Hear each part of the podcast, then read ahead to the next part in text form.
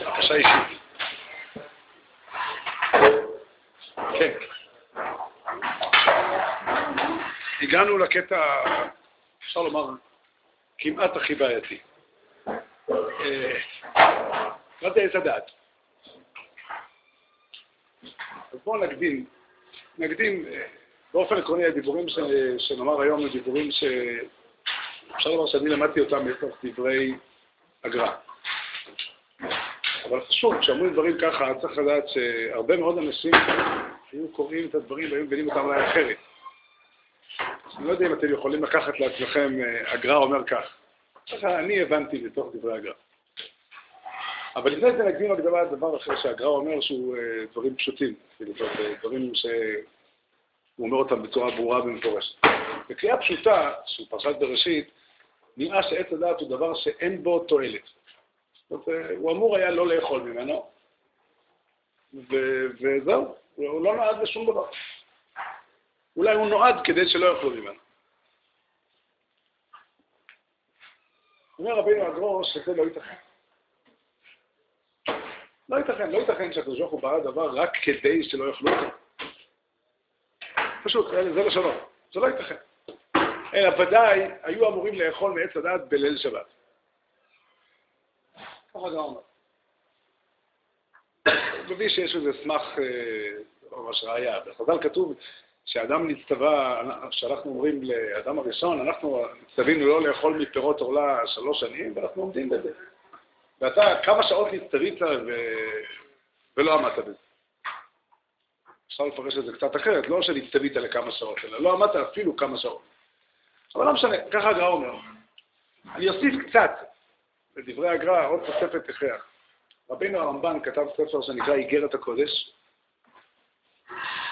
ושם הוא מביא שהרמב"ם העתיק בשם, כמו אה, שהרמב"ן אוהב לקרוא לו ככה, היווני ארור. הרמב"ם קרא לו אריסטו. אז uh, היווני הארור, אריסטו, אריסטו כתב שחוש המישוש חרפה הוא לנו. כלומר, התאווה, התאווה הגשמית. חרפה. אומר הרמב"ן, שזה שהרמב"ם העתיק את הדברים, זה, זה בעייתי. נתגנבה לתוך דברי הרב כפירה נסתרת. זה לשונו של הרמב"ן. שהרמב"ם בלי לשים לב הכניס דבר שהוא, שהוא לא טוב. למה? קודם כל, הקדוש ברא את זה, איך זה יכול להיות רע? שנית, הוא אומר, כתוב במפורש שהקדוש ברוך הוא פי עליון מעיד בעצמו ואומר, וירא אלוקים את כל אשר עשה והנה טוב מאוד. איך יכול להיות שיש דבר בעולם רע? בפרט במה שנוגע לאדם, לגופו ולנפשו, שאדם נברא בצלם אלוקים. ברוך אתה אבינו אלוהים מלך העולם שהכל נהיה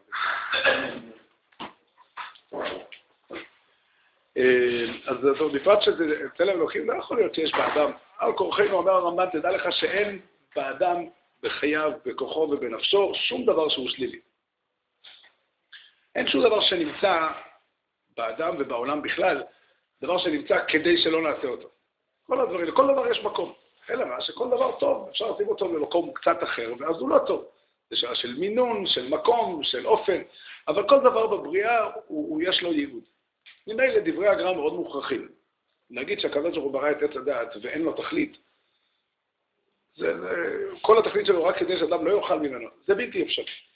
מכאן, הגויין מוסיף ואומר, מכאן שאדם היה אמור לאכול מעץ הדעת בליל שבת. עכשיו, לא משנה כרגע מתי בדיוק. עיקר מבחינתנו למדנו שעץ הדעת הוא דבר שיש לו ייעוד, יש לו תפקיד, הוא צריך להיות, והוא חלק בלתי נפרד מהחיים של האדם.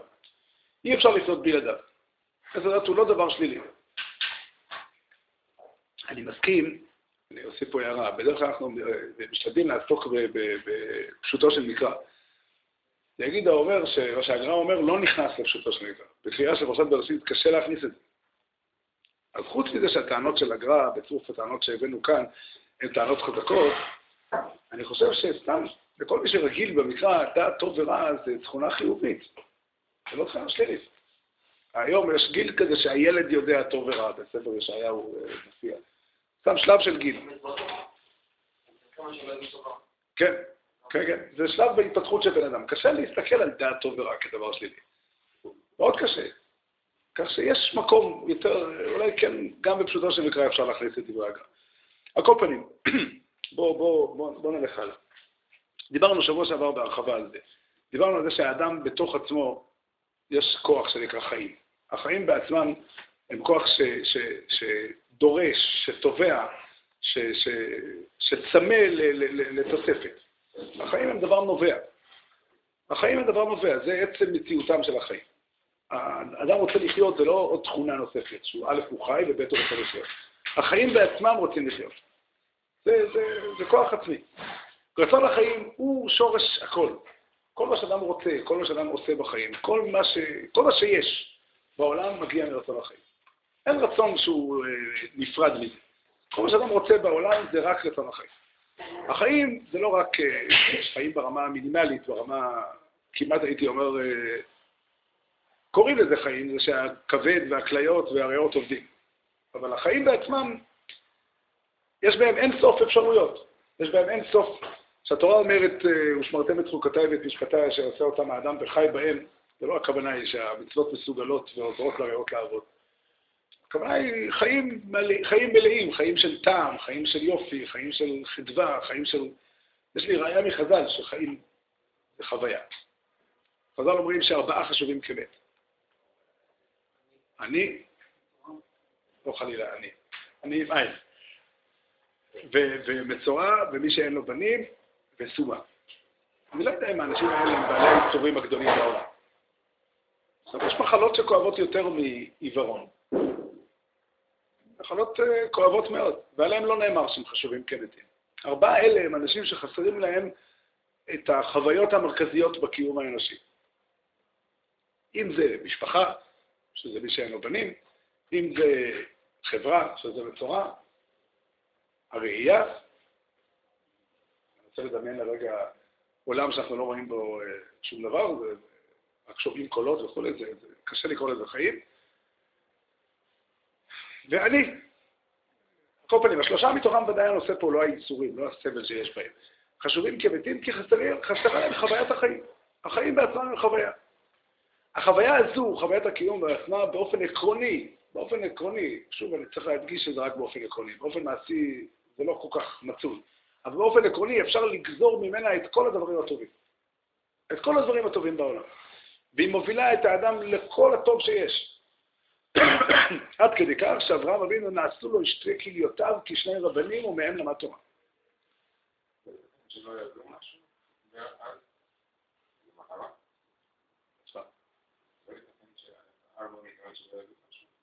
היו, לא היו מחלות כואבות?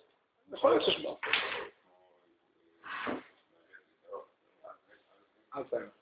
וגם, אה, השאלה שלך היא שאלה, כי גם חוויות האדם הזה, אתה צודק. נו. לא להניח שלא היה להם שום מחלה עם סבל קשה, זה קשה להם. יכול להיות שזה היה חסר, תשים אותו לרשימה. מסתבר, סביר להניח שמי שאיבד את הזיכרון שלו, החיים שלו חשובים כמת לא פחות ממי שלא רואה. אתה יודע מה, הרי בצורה הוא, נקרא חשוב כמת כי אין לו חברים. אדם שלא זוכר את האנשים שהוא מכיר, את האנשים את הקרובים שלו, אז אין לו חברים. אותה משפחה. לא, לא, לא. זה סיבה שהעבר המסוים של הבשר המסוים נחשב מת. אבל בצורה חשוב כמת, כי נכתב עליו, בדד יושב מחוץ למחנה מושבו. עוד פעם, על כל פנים, אז, אז זה אומר שבאופן עקרוני הבן אדם עסוק, רצון החיים בעצמו מוביל את האדם לכל הטוב שבעולם. לכל האמת, לכל היופי, לכל העושר, לכל השמחה, כל הדברים הטובים בחיים יונקים, יוצאים מתוך רצון החיים. זה חידוש גדול. אמרתי את זה שבוע שעבר, התחלתי את הדברים שלי במשפט הזה. זה חידוש כזה שכל אחד יודע אותו. לכן אני לא צריך להוכיח אותו. כל אחד יכול להעיד על עצמו שכשרצון החיים אה, דוחף אותו חזק, הוא מביא אותו לדברים טובים. יכול להיות גם אחרת, אבל הוא יכול, אם, אם הוא הגיע למשהו, מה שקוראים היום, קוראים לזה מוטיבציה. אדם, אדם, אדם חי. החיים, יש בהם את הפוזיציה. שם אדם צריך לחפש את הכל, בתוך עצמו. זה דבר אחד. עכשיו, את רצון החיים הזה, האדם עסוק כל הזמן בלתרגם אותו. בלתרגם אותו, למצוא לו ביטויים ספציפיים, למצוא לו ביטויים ממשיים. התרגום הזה, החיבור הזה שהאדם מחבר את כוח החיים למציאות שבה הוא נמצא, זה נקרא עץ הדת. זה נקרא דת. זאת אומרת, רצון החיים בתור נקודה תיאורטית, בתור נקודה עיונית, מופשטת, זה עץ החיים. והאופן שבו אין מקום כמעט לעץ החיים בלי עץ הדת. בסימנך, על שניהם כתוב שהם נמצאים בתוך הגן. שניהם נמצאים במרכז הגן. תודה רבה. שניהם נמצאים בתוך הגן, שניהם הם מרכז של הגן, דהיינו המטרה, רק הכוונה המרכז. מרכז הכוונה היא... אם אנחנו מסתכלים על כל הגן כולו, כל הגן כולו זה כל מיני עונג שהקדוש ברוך הוא צבע, לא רק עונג, מיני שלמות, מיני יופי, מיני עונג, מיני שמחה שהקדוש ברוך הוא שם בעולם, להציג אותם. אבל יש דבר שהוא העיקר. הוא העיקר, הוא, הוא מרכז התכלית, הוא המרכז שלשם הכל שואף. הוא המרכז. המילה מרכז היא לא מילה עברית, היא מילה ערבית במקורה. הייתי זה לפני שנים, יש חיבור שנקרא אה, ביאור מילות זרות. כתב אותו אבן תיבון, שתרגם את המורה נבוכים. אז הוא כותב שם שהיו מילים ערביות שהרמב"ם משתמש בהן, שהוא ניסה לתרגם אותן לעברית, והוא לא מצא מילים מתאימות. אז הוא אה, חידש כמה מילים. אחת המילים שהוא חידש זה את המילה מרכז, הוא לקח אותה מערבית, ועשה לה איזושהי אה, הטיה לצליל עברי וכולי. לא מזמן נסעתי ברכבת הקלה, ושמעתי שהוא מדבר על התחנה המרכזית, ולא יודע איך אומרים את זה בערבית, אבל, אבל זה, זה אמת. כן, זה אותו שורש. אבל מה שעומד מאחורי המילה מרכז, זו המילה העברית המקבילה למילה מרכז, זה בתוך הגן. במרכז הגן, באמצע הגן, אותו מלשון בתווך. במציאות גינטה, ככה מתרגם אונקלוס, בתוך הגן במציאות גינטה, ושם נמצאים שתי עצים שהם המרכז של כל המעלות, נקרא לזה, שהרמח"ל קורא לזה בדעת תמונות.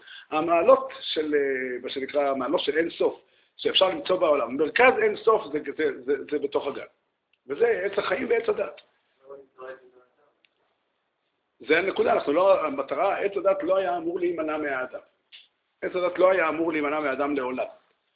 עץ הדת היה אמור, אמור, אומרים לאדם, תדע לך, שאתה לוקח את החיים ומנסה לחבר אותם למציאות, צריך לעשות את זה בזהירות.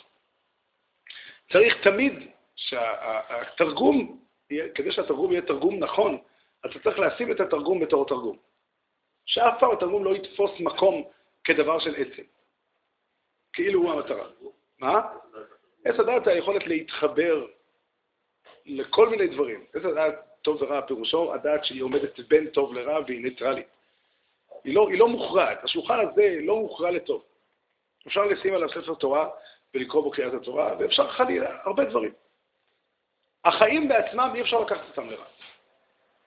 כשלוקחים אותם לרע חלילה, כשאדם עושה חי באופן רע, אז הוא מרגיש בתוך הלב את, ה, את, ה, את, ה, את ההפרדה, את הפירוד, את הניתוק שלו מעצמו, את הניכור שלו מעצמו, והוא לא מרגיש טוב. הוא לא מרגיש טוב. מכאן, מכאן למד אברהם אבינו את כל התורה כולה.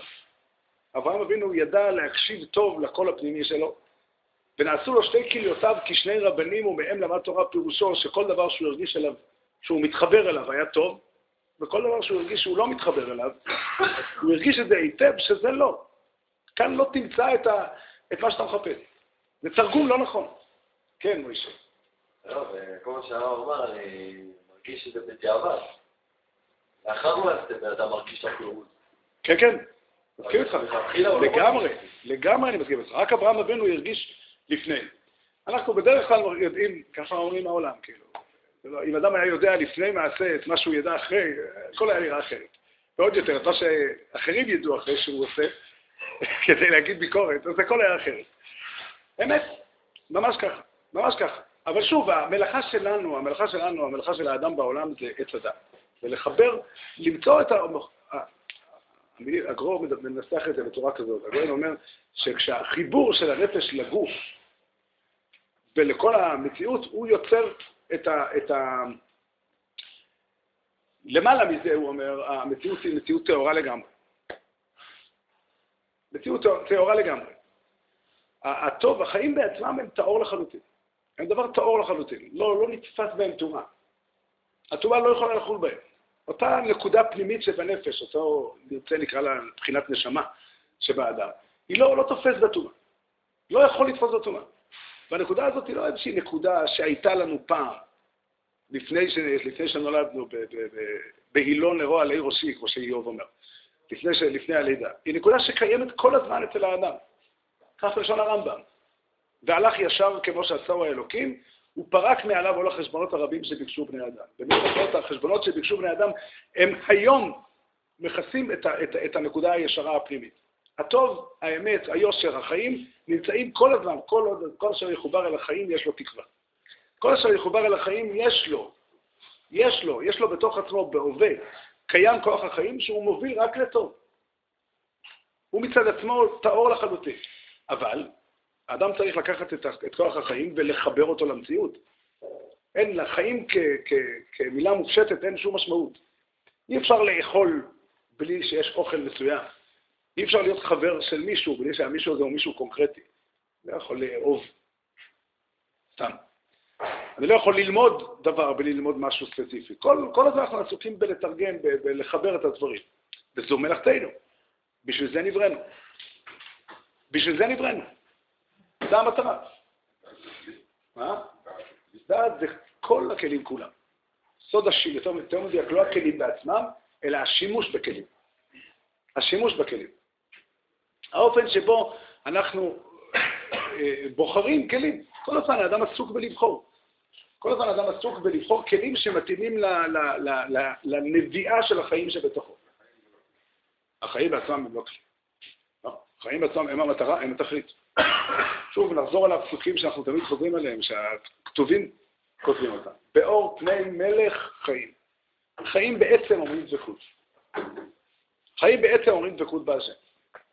אין, אין, אין חיים שמובילים למוות. זו סתירה מן האובה. זה יכול לקרות.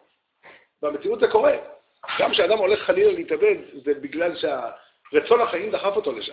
רק הוא חי בצורה כזאת, באיזה סיבה שלא תהיה, שהחיים שהוא חי בהם נדמים לו כמוות, והמוות שהוא הולך לשם נדמה לו כחיים. ולכן הוא מתאבד. אבל אין פעולה שאדם עושה שלא נובעת מכוח הנביאה הפנימית של החיים.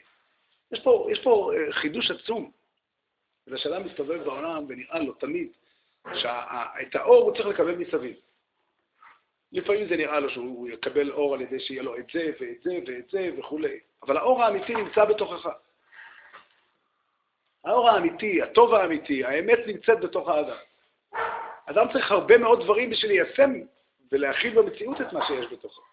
אבל תמיד צריך להקשיב לקול הפנימי שלי ולשמוע מה הוא אומר, מה הוא מגיב, איך הוא מתייחס למה שאומרים לי, איך הוא מתייחס למה שקרה לי אתמול, למה שעשיתי שלשום. כן. אם עץ החיים הוא מאוד חשוב, למה אתם חולים? אני מניח שהוא אכל ממנו. אם הוא ממנו, אתה שואל טוב, אני לא יודע איזה תשובה, תשובה מוגדרת להגיד לך. יכול להיות שהוא היה צריך לאכול עוד פעם אחרי שהוא אכל מעץ הדעת, כדי שהוא, אה, לתקן את, ה, את, ה, את המוות שיש בעץ הדעת. אולי. קשה, זו שאלה סתם, זו שאלה בפשט. כתוב בתורה, השאלה הזאת קשה בלי, ש, בלי שאני באתי, לפני שנעמדתי כאן בכלל היית צריך לשאול את זה. כתוב בתורה במפורש שעץ החיים מביא וחי לעולם, ולמה אדם הראשון לא אכל את זה?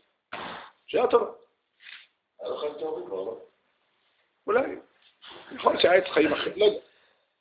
כן. כן. אבל אם האדם חושב משהו מסוים, אז הוא לא יודע, הוא לא יודע בדיוק מה טוב. באמת. אבל יש לו איזה דחף פנימי שאומר לו שאולי זה יהיה לו טוב. אני מציע הצעה רצינית מאוד. צריך תמיד, תמיד תמיד, לא תמיד צריך לשמוע בקול הקול הפנימי. אבל צריך תמיד לשמוע את קולו. אף פעם אל תזלזל בו. יכול להיות ש, שהתרגום, התרגום שמוצע עכשיו לקול הפנימי שלך הוא תרגום לא נכון. זה קורה, זה קורה. אבל אם הקול הפנימי אומר משהו, זה כדאי, כדאי להתייחס. כדאי להתייחס לפחות בתור אב אמין. בתור, בתור uh, קושייה. קושייה של תוספות. זה, זה, זה, זה, זה, זה אומן דה עומר. אתה לא יכול אה, לשים אותו בצד. יש לזה עוד הרבה סיבות אחרות. אתה לא יכול לשים אותו בצד גם, גם בגלל שהוא חזק יותר ממך. זו סיבה לא פחות חזקה, אבל סיבה שאני מדבר. הוא ינצח בסוף. היו הרבה אנשים שניסו לשים את האני הפנימי בצד, והמקרים שזה, שהם לא ניצחו זה בגלל שהם מתו קודם. אבל, אבל כל עוד האדם חי, הוא חזק מאוד. הוא חזק מאוד, והוא מתוחכם מאוד, ועוד דבר חשוב, הוא תמיד צודק. הוא תמיד צודק. הוא תמיד צודק. זאת אומרת, הוא לא מתפקידו להראות לך, להראות לך איפה, איפה בדיוק המקום, אבל הוא מפגין אי נחת. ואתה לא יכול להגיד לאדם שאומר, לקול שאומר אני לא מרוצה, תגיד לו, לא נכון, אתה כן מרוצה. יש, יש שפה כזאת. יש שפה כזאת. קורה לפעמים שאתה ניגש למישהו ואומר, תשמע, אני מאוד מאוד אה, עצבני על זה, אה, אתה לא עצבני. נתקלתי בזה גם לבד, הרבה אנשים אמרו לי ככה. אבל זה מצחיק. זה מצחיק. אדם צריך תמיד, תמיד, תמיד להקשיב לקול הפנימי שלו. לא, לא, בפירוש לדעת שהרבה פעמים הוא מוביל למקום לא נכון. התרגום המוצע יכול להיות תרגום מוטעה מאוד. ושא עיניך סביב ותראה כמה תרגומים לא נכונים מהעולם מלא מהם. וצריך זהירות, אבל המטרה היא לדעת מה אנחנו מחפשים. אנחנו מחפשים לתרגם את עצמנו. אני עוד פעם, אני אומר, זה דורש זהירות ודורש מחשבה ודורש שימת לב. אבל אם אתה שואל איך הם אומרים, אותם אנשים שטעו, מה הקדוש ברוך הוא עשה כדי שהם ישימו לב שהם טועים? אז יש הרבה דברים. אבל אחד הדבר, הדבר הכי מרכזי שהקדוש ברוך הוא נתן בהם, כוח פנימי שיגיד להם מחר אתם לא, לא עשיתם טוב. אז זה חז"ל אמרו. חז"ל אמרו, וגם הנפש לא תימלא. כשאדם חי באופן לא נכון, אז יש בתוכו קול פנימי שאומר, לא, אני לא מרוצה. ואם אדם היה מקשיב לקול הזה, אז הוא היה מחפש עוד. שוב, להיזהר מטעות. לא הכוונה היא שכל, כל, הקול שמופיע הוא תמיד מוצא תרגום, ותרגום יכול בפירוש יכול להיות תרגום מאוד לא נכון. אבל כשאתה בוחר תרגום כי הוא נראה לך נכון, תקשיב גם למה שהקול הפנימי אומר. כי בסך הכל מה שאתה מחפש זה להגיע לאותם, לאותם, לאותם מעיינות של שתי כליותיו של אברהם אבינו. או יותר מדויק, של שתי הכליות שלך. נעשו לו שתי כליותיו כשני רבנים ומהם למד תורה. תראה איזה מילים היה לחז"ל. אמרנו כמה פעמים את זה. למה, מה, מה ראו חכמים לספר לנו את זה? חז"ל לא חיברו ספר שנקרא כל שבחי, אה, שבחי אברהם אבינו. מה? מסכים איתך, אני מסכים איתך ש...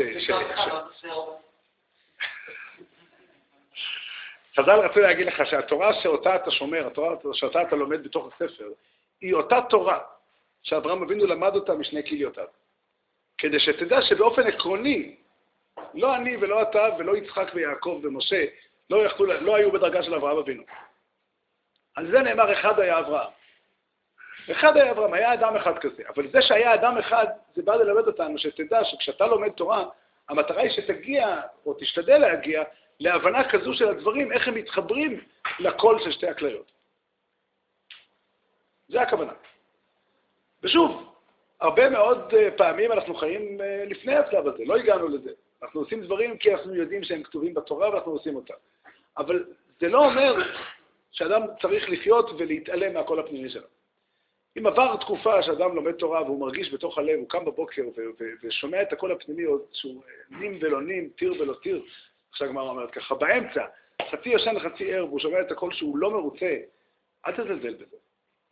ושוב, אני אומר, יש לזה כמה סיבות לא לזלזל. אחד, בגלל שהוא יותר חזק ממך. אבל זה לא יפה. נדמה לי שהוא קרוב משפחה שלך. לא, ראוי להתחשב בו לפחות, לפחות מצד החסד. אבל לא זה הנקודה, הנקודה היא שהוא צודק. צריך לה, לא, לא פשוט להבין מה הוא אומר, אבל הוא תמיד צודק. הוא תמיד צודק. הוא חכם פי כמה וכמה ממך. פי כמה וכמה.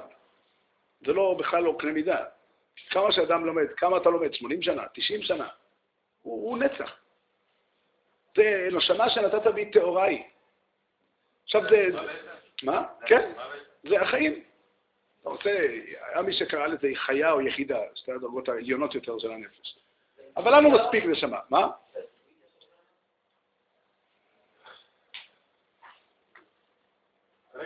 חייבים לומר את זה בלועזית. עכשיו, אתה רוצה להגיד, זה ודאי לא משהו אחר מאינטואיציה, אבל לא כל אינטואיציה זה זה. שוב אני... כן, אתה רואה, יש גם מילים עבריות עתירות. זה ברור, זה ברור, זה שם את הדברים, שם את הדברים, אם רוצים לשים את הדברים על השולחן, זה אומר ככה. אנחנו חיים בעולם, וזה דבר מדהים, אתה יודע, אתה רואה בני אדם כל הזמן, לא, לא, זה לא נדיר כל כך, זה כולנו חיים כך. משתדלים לעשות את הטוב ואת הישר. זה ברור. והטוב והישר נמצא מסביב. זאת אומרת, הספרים אומרים את הטוב ואת הישר. ככה זה המציאות שלנו. הספרים, הרבנים, החברים, האווירה בבית המדרש, אומרים, כן, אנחנו ברוך השם נמצאים במקום טוב, ומה שאומרים זה דברים טובים. ובאופן ספונטני אני אומר, רגע, רגע, כולם עושים כך, או כתוב בספר כך, זה אומר שאני לא צודק. וזה גם נכון. אבל משהו בתוכי צועק, לא, אני לא מסכים. אז אני אומר, להחליט שאני צודק ולא הספרים, זה לא נכון. אבל תתייחס למה שאתה אומר, לפחות כמו קושייה של תוספות, שיכולה להביא פשט חדש בסוגיה. במקרים מסוימים קורה שקושייה של תוספות מולידה, שרבינו תם מגיע והופך את הסוגיה על פניה. רבינו תם עשה את זה, עושה את זה בגדול. זה קורה. כן, כתוב במרשל שהיה, מעשה שהיה באדם אחד שאמר שהרמב"ם היה חכם יותר מרבינו תם. האם הוא נקרא מבזה תמיד חכם או לא? אומר המרשל שלו. למרות שהוא שויטה, אבל זה לא ביזוי. המרשל אומר. כתוב, זה מודפס, על כל פנים. אבל אה, רבינו תם, אה, רב, אני אומר, יש דבר שקושייה מולידה פירוש חדש. הקושייה הזאת היא הקושייה הכי חזקה. היא הקושייה הכי חזקה, כי הקדוש ברוך הוא מדבר בתורה, הוא מדבר אליך. הוא מדבר אליך, הוא מדבר לחיים שלך. אין לו מטרה אחרת. הוא עסוק בזה. אז זה נכון שמלאכת ההבנה, מלאכת התרגום, היא מלאכה לא פשוטה. היא מלאכה שיכולה להיות, אה, יכולים לחול בה שיבושים. אבל אם אדם עובר עליו תקופה והוא מרגיש אי נחת, זה לא ייתכן, זה לא, זה לא דבר שבא בכך. ספר דעת תבונות בנוי כוויכוח, בין, כשיחה. אז יש שם מי ששואל ומי שמשיב. הנשמה שואלת והשכל משיב. מי יותר גבוה? השכל והנשמה. השכל, האורן צודק. אז למה, אז למה, איך תסביר אתה, אורן, שהשכל ישיב לנשמה? כי התשובות... יפה. זאת אומרת, הנשמה פועלת על ידי שהיא שמה לך שאלות. מה עם השאלות שהנשמה שואלת? היא מסתכלת על המציאות, והיא מנסה להכיל את התפיסה של אמונה על המציאות, וזה לא מסתדר לה. ואז היא באה ואומרת, מה יהיה? מקביל לזה, הרמב"ם כותב, ב, ב, ב, ב, יש לו, לפני, בפתיחה של המורה, יש שם קטע קטן שנקרא איגרת, ככה זה נקרא. זאת אומרת, הרמב"ם כתב את הספר, כביכול הוא איגרת שהוא כותב אותה לתלמיד שלו. והוא כותב איזה איגרת פתיחה, שהמטרה של האיגרת הזאת היא בשביל להסביר למי הספר מיועד. במקום לכתוב הקדמה ולומר, תפתח, תפתח את הספר רק מי שכך וכך וכך, אז הוא כתב איזה איגרת והוא מתאר איך התלמיד הזה, את המעלות שלו ואיך הוא הגיע וכולי, את כל התהליך. אז הוא מתאר שם שהוא אה, אדם שלמד אה, תורה ולמד פילוסופיה וכולי, בנפשך הנכבדה מבקשת למצוא לה דברי חפץ ואמונה. הנפש, סתם צריך לזכור, הנפש, אני ודאי הרמב"ם היא יותר גבוהה מהנשמה. זאת אומרת, השפה של הרמב"ם, בטרמינולוגיה של הרמב"ם, הנשמה זה מה שנקרא בדרך כלל הנפש, זה הפוך. ככה הרמב"ם פירש. כשבא בן אדם ואומר, יש לי שאלות ואמונה, אומר לו, הרמב"ם, תדע לך, השאלות האלה מגיעות מכוח שהנפש הנכבדה שלך מבקשת למצוא לה דברי חפץ. הוא הפך, במילים האלה הוא הפך את הקערה על פיה. בגלל שהאדם מגיע ואומר, תראה, מה אני אעשה? יש לי ספקות. אומר לו הרמב"ם, תדע לך, הספקות האלה מגיעות בגלל, זה הקול של הנשמה שלך. נפשך הנכבדה מבקשת למצוא לה דברי חסד. הקדוש ברוך הוא שם את הנפש בגופך, וכוח החיים שבך לא שבע רצון. הוא לא שבע רצון, הוא, הוא מעורר אי נחת. יש שאלה שאדם שואל, כי כתוב בתוספות בדף ב' ככה ובדף ז' ככה. זו שאלה שאפשר לשאול גם מכוח השכל לבד. אבל שאלה אמיתית היא שאלה שהנפש שואלת, שהיא קול של כאב. עוד יותר טוב. תוספות זה הנפש של תוספות שאלה את השאלה. אבל אני אומר, שאלה אמיתית היא שאלה שאדם מנסה לחבר דברי תורה לתוכו, לעצמו, מנסה לחיות על פי דברי תורה, וזה קשה לו. עכשיו, האם אנחנו יכולים להבטיח שאדם יכול למצוא את התשובות, את כל התשובות בחייו? אנחנו רחוקים מאוד מלהבטיח. יותר, כמעט הייתי אומר, זה לא יפה, אבל כמעט הייתי אומר שאני מבטיח שלא. אבל, אבל, אבל זה מלאכתנו. להשתדל, להשתדל לחפש את אותן נקודות של, של חיים. בשביל זה ירדנו לעולם. ירדנו לעולם בשביל לחבר את עץ החיים ועץ הדת. לחבר את עץ החיים ועץ הדת. כתוב במדרש, מדרש תנחומה פרשת לך לך, אם אני לא טועה. שם כתוב ש, שאברהם אבינו לא בירך את בניו. למה הוא לא בירך את יצחק? לא מצאנו כזה דבר שאברהם אבינו בירך את יצחק. אז אומר, כתוב שם שאברהם אבינו ראה ברוח הקודש שבביתו של יצחק יהיו שני בנים שהם שני עצים, עץ החיים ועץ הדת. ועץ הדעת הוא מוות, ולכן הוא לא רצה לברך אותו. זאת אומרת, עץ החיים, עשיו ויעקב באופן עקרוני, הם דבר אחד. בגלל שהאדם הראשון חטא והעמיד את עץ הדעת כמציאות בפני עצמה שהיא נפרדת מעץ החיים, מיני תרגומים כאלה שמתפזרים בעולם והם... אז לכן עשיו הוא אדם בפני עצמו. ותראו איך שחז"ל, שצריך לדעת לקרוא את דברי חז"ל בהגדה. חז"ל אומרים שעשיו ויעקב היו טיפה אחת שהתחלקה לשתיים. אני כבר ראיתי, זה חבר שלי כתב על זה מאמר שלם ודן בשאלה בגדר בכורה, אם זה ככה או ככה וכולי. זה לא להבין. זה לא להבין את מה שחז"ל אומרים. חז"ל אומרים לך, תדע לך שיעקב ועשיו, הדילמה שהייתה שם בבית, היא דילמה של הפירוד הזה בין שני דברים שבעצם אין להם קיום לאף אחד מהם לבד. הם צריכים להיות דבר אחד. אילולי חטא האדם הראשון הזה, ביתו של יצחק היה בן אחד. ואז עץ הדעת ועץ החיים היו מחוברים, ו... וזהו, זה שלמות גמורה. כיוון שעץ הדעת ועץ החיים היו נפרדים, אז יש פה בעיה. איך, הולכים, איך אנחנו הולכים הלאה?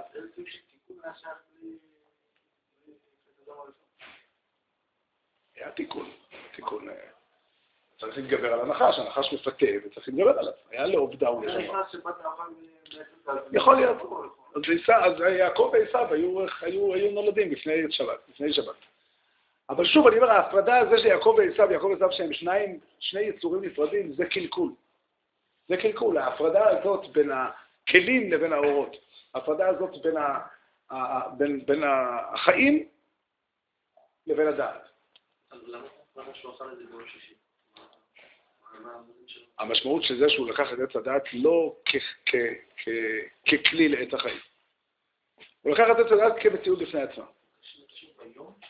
לא, לא קשור ליום, קשור שהוא אכל לא לפי, לא לפי, אם הוא נרצה, נגיד שהוא אכל את זה לפני שהוא אכל מעץ החיים.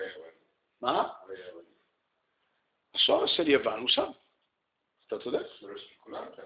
כן, כן, כן, אבל יוון לקחה את הדבר הזה ועשתה אותו לשיטה. לשיטה.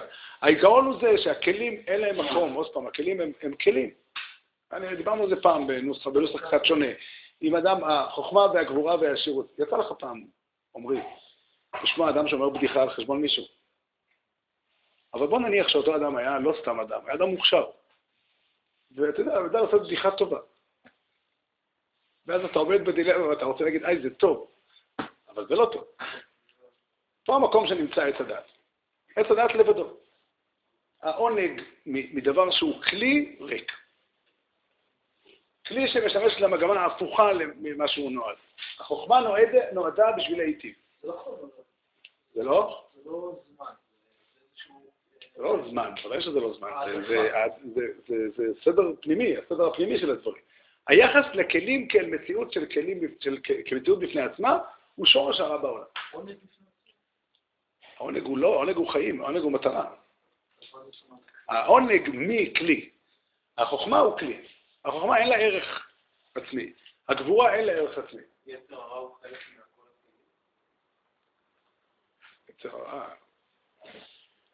זה התרגום הלא נכון של הדברים. הכוח החיים, כשהוא פונה למקום לא נכון, הוא, זה נקרא יצר הרע. וזה כך, אה, זה בנוהג שבעולם. זה הווה בעולם. אנחנו חייבים להודות על האמת עם כל הדיבורים היפים. שזה קורה הרבה. קורה הרבה מאוד שאנשים אה, מתרגמים תרגומים לא נכונים. זה קורה הרבה מאוד. לא רק באיזה ארץ רחוקה, אה, ארץ אגדות או משהו כזה. זה קורה, לא נעים להגיד, גם בבית המדרש. זה קורה. זה קורה. מה?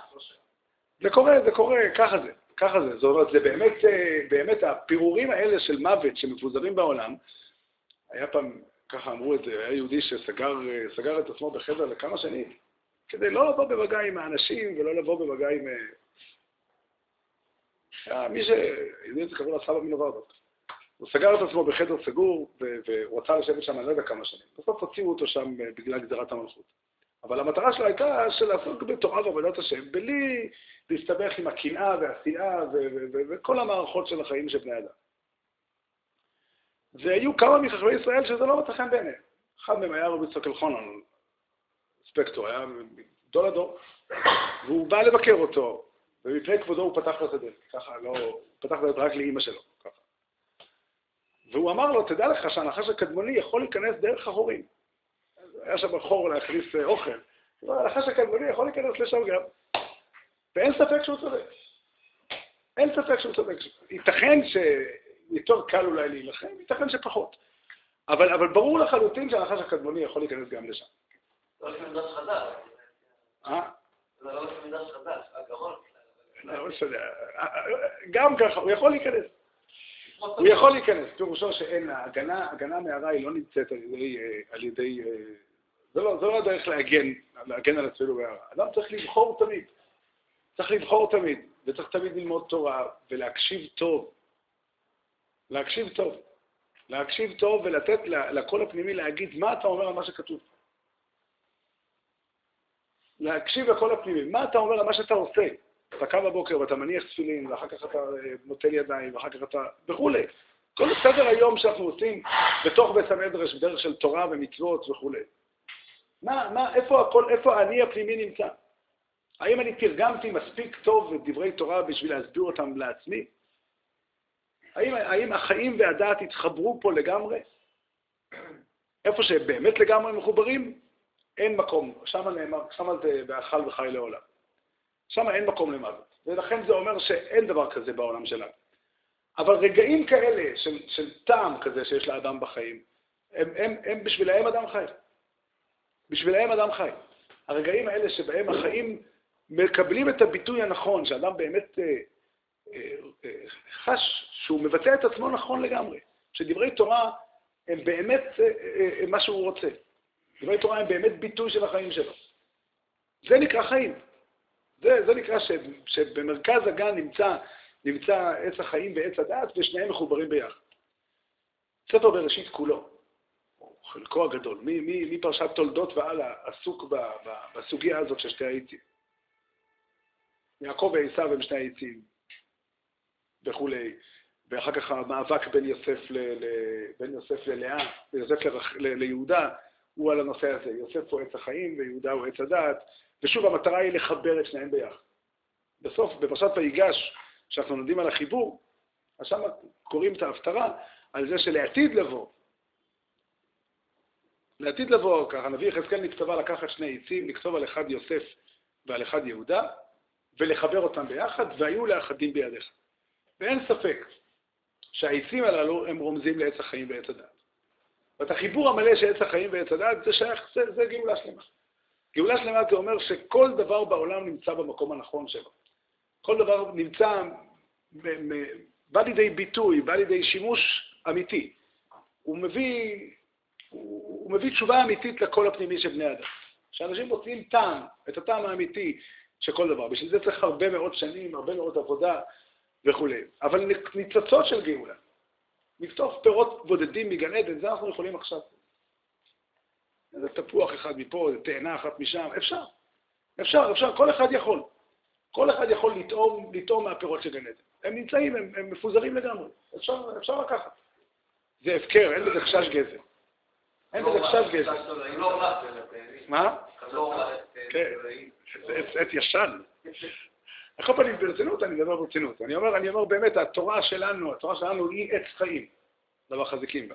אפשר, כשאדם לומד תורה, והוא מקשיב היטב למה שכתוב בספר, אבל יחד עם זה, להקשיב היטב גם למה שהוא, מה שהלב שלו אומר.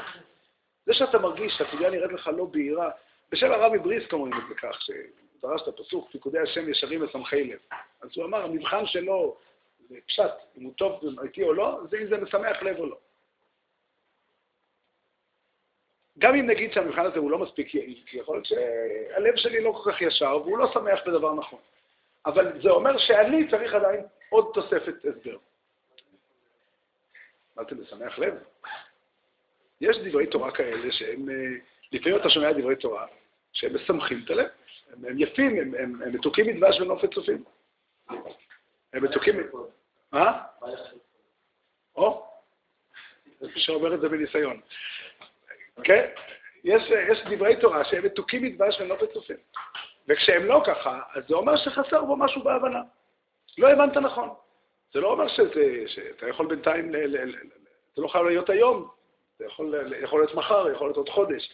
אבל דברי תורה באופן עקרוני אמורים להיכנס. אין דבר שמתאים יותר מזה לאדם. התורה נבראה, או נכתבה בשביל האדם. או האדם, יותר, אולי יותר נכון להגיד שאדם נברא במקביל לתורה. התורה והאדם הם דבר אחד. הם שני דברים ש, ש, שלגמרי לגמרי מתאימים. אין חיבור יותר נעים, חיבור יותר שלם, חיבור יותר מתוק מהחיבור הזה. וזה החיבור באמת בין עץ החיים לעץ הדת. החיבור בין עץ החיים לעץ הדת. והאדם הראשון אה, שאכל בעץ הדת לפני הזמן, אכל מעץ הדת לא בתור כלי לעץ החיים. ברגע שהוא אוכל בניגוד לציבור, זה לאדיה, זה במפורש לאכול את עץ הדת לא בגלל היחס שלו עם עץ החיים, אלא, אלא כדבר בפני עצמו.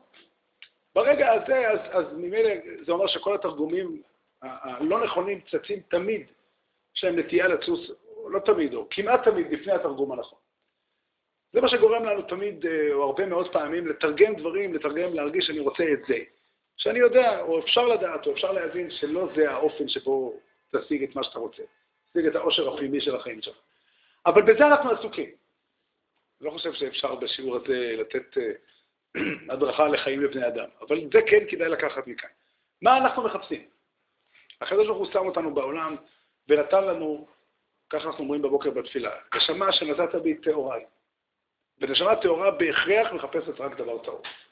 היא מחפשת את הכלים הנכונים כדי להכיל את עצמה, כדי לממש את עצמה, כדי לבטא את עצמה. והכלים האלה נמצאים מסביב סביב, שהם לא מסודרים בסדר הנכון. הרבה פעמים מגיעים, לי, מגיעים לפניי קודם הכלים הלא מדויקים, הלא מתאימים בדיוק. כלים שהם, שאחרי שאני אשתמש בהם אני ארגיש, וגם הנפש לא תימלא. אני ארגיש חסר. זה אומר שלא לזה הקדוש ברוך הוא התכוון. לא לזה הקדוש ברוך הוא התכוון. זה לא, זה, זה לא התשובה הנכונה, לא לזה אני התכוונתי. אז אני צריך עוד יותר לעמול, עוד יותר לחפש וללמוד יותר תורה, ולשאול עוד, עוד יותר להתקרב לבית מדרש, עוד יותר להתקרב לחברים שהם לומדים תורה, ולחפש, לחפש, לחפש את הפירות של גן עדן. לחפש את, אותו, את אותם ניצצות חיים שמגיעים ממרכז הגן. שמגיעים ממרכז הגן. זה, זה, זה, וזה, בשביל זה אנחנו חיים. בשביל זה אנחנו חיים. וכשהכתובים קוראים לתורה שלנו עץ חיים, פירושו שאחרי שנגנז מאיתנו גן עדן, והכרובים ולהט החרב המתהפכת חוסמים את הדרך, או יותר נכון, שומרים את הדרך לעץ החיים, אז הדרך שלנו לחדור דרכם היא דרך התורה. לימוד תורה, לימוד תורה, אין, אין חיים בללמוד תורה. אין חיים בללמוד תורה. כל יום, כל יום אדם חייב לקבוע איתי לתורה. כל יום. איך כתוב בחז"ל שאמרו, פפוס בן יהודה היה לא בדיוק יודע מי הוא היה. היהודי שחי בזמן גזרה, גזרות של שמד, והוא בא ואמר ליהודים, מה אתם אה, מסתכנים בללמוד תורה כל הזמן אה, נגד החוק, נגד, ה, נגד גזירת השמד של הרומי? אז אמרו לו, משל למה הדבר דומה? לאותו שועל שבא לדגים, הוא רצה לאכול דגים. עקיבא, כן. רבי עקיבא אמר את זה לפפוס בן יהודה.